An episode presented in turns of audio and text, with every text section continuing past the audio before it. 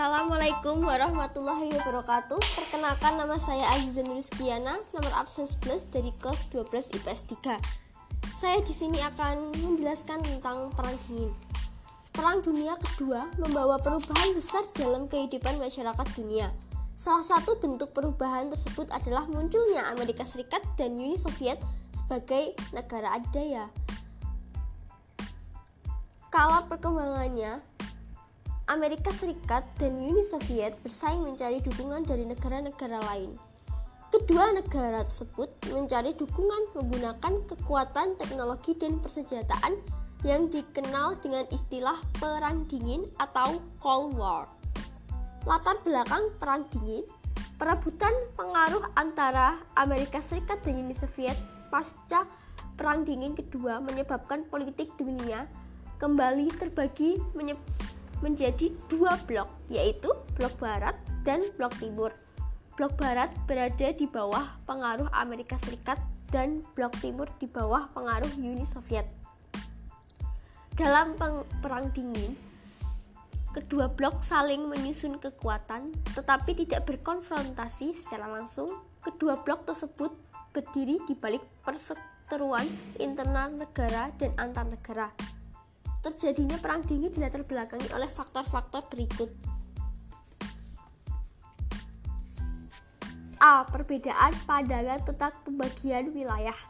Amerika Serikat dan Uni Soviet berhasil memerangi Perang Dunia Kedua. Akan tetapi, setelah Perang Dunia Kedua, perselisihan antara Amerika Serikat dan Uni Soviet meruncing Perselisihan tersebut dipicu perbedaan pandangan tentang pembagian batas-batas teritorial negara bawahan sebagai hasil perjanjian Potsdam. Pembagian wilayah terlihat jelas di wilayah Jerman. Berdasarkan perjanjian Potsdam, wilayah Uni Soviet, Inggris, dan Perancis. Dalam perkembangannya, wilayah Jerman dikuasai oleh dua kekuasaan besar, yaitu Blok Barat Sekutu dan Blok Timur Sentral. Amerika Serikat, Inggris, dan Prancis bergabung dalam blok barat sekutu, sementara Uni Soviet merupakan blok timur atau sentral.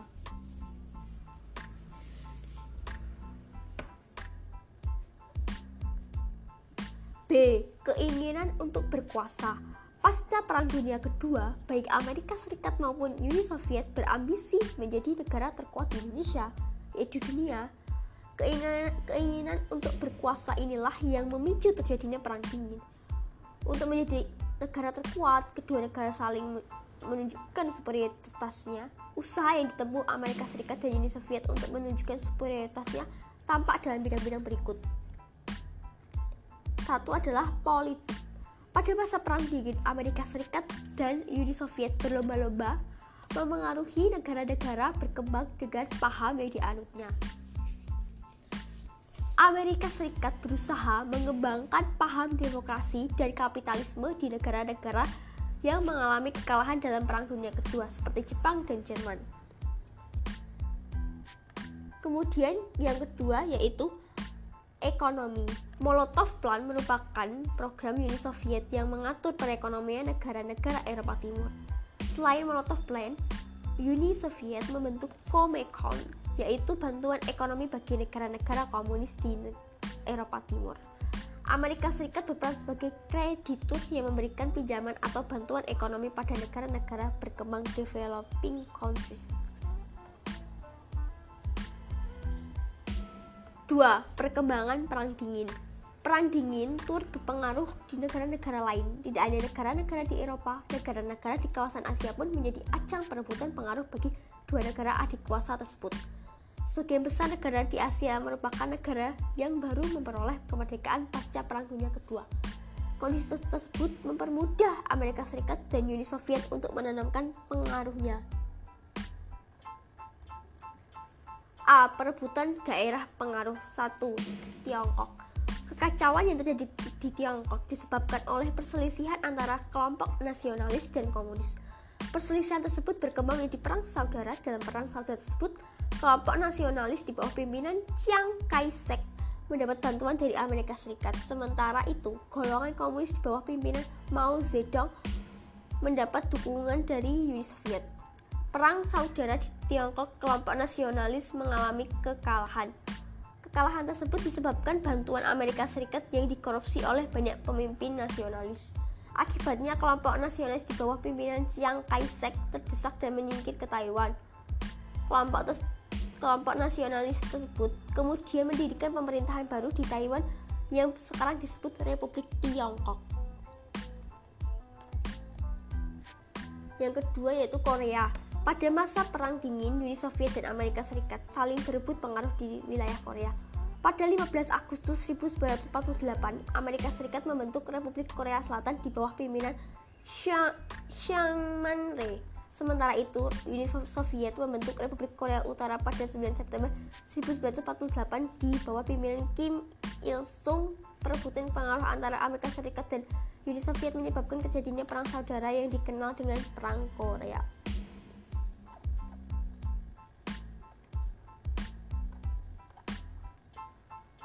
B. Sistem aliansi North Atlantic Treaty Organization atau NATO dibentuk pada 4 April 1949. Negara-negara yang membentuk NATO yaitu Italia, Islandia, Norwegia, Denmark, Belgia, Belanda, dan Luxembourg, Prancis, Portugal, Kanada, dan Amerika Serikat.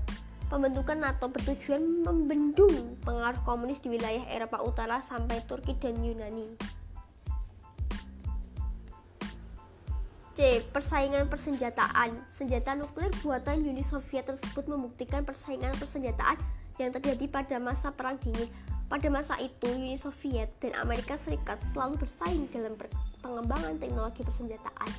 Persaingan ini bermula pada 1952 ketika Amerika Serikat berhasil mengembangkan jenis bom hidrogen. Setahun kemudian, Uni Soviet menyusul perkembangan teknologi persenjataan Amerika Serikat tersebut. Sejak 1970, perdagangan senjata telah menjadi bisnis komersial menarik yang dikembangkan Amerika Serikat dan Uni Soviet. D. Spionase Persaingan antara Amerika Serikat dan Uni Soviet pada masa Perang Dingin memunculkan aksi spionase atau mata-mata. Central Intelligence Agency merupakan agen spionase yang dibentuk oleh Amerika Serikat. Sementara itu, Uni Soviet membentuk agen spionase bernama Committed Gosu Darsvenoi Pasnosti atau KGB. Persai E. Persaingan teknologi luar angkasa Persaingan teknologi luar angkasa warnai masa Perang Dingin. Baik Amerika Serikat maupun Uni Soviet berlomba-lomba melakukan penelitian untuk menghasilkan temuan baru. 3. Upaya meredam perang dingin Berbagai upaya meredam perang dingin sebagai berikut A. Usaha negara berkembang Untuk memperlancar usaha tersebut, negara-negara berkembang membentuk organisasi bernama Non-Aligned Movement atau NAM atau Gerakan Non-Blok atau GNB Organisasi ini berusaha bersikap netral dalam menyikapi perang dingin B. Usaha PBB Pada 1968, Dewan Keamanan PBB mengeluarkan resolusi nomor 255 yang memuat seruan kepada negara-negara penghasil nuklir untuk membantu negara-negara yang menjadi korban serangan nuklir. PBB juga membentuk misi-misi perdamaian yang dikirim ke negara wilayah yang sedang mengalami masalah atau konflik. C. Usaha antar negara contoh hubungan bilateral yang dilakukan sebagai bentuk upaya meredam ketegangan pada dunia pada masa Perang Dingin sebagai berikut. Satu, Presiden Amerika Serikat Richard Nixon mengunjungi Tiongkok pada 1972 untuk menjalin hubungan diplomatik. Dua Presiden Indonesia Soeharto mengunjungi Uni Soviet pada 1989 untuk mempererat hubungan diplomatik. Tiga Penyatuan Jerman Barat dan Jerman Timur pada 3 Oktober 1990. Jika ada salah kata mohon maaf. Sekian, wassalamualaikum warahmatullahi wabarakatuh.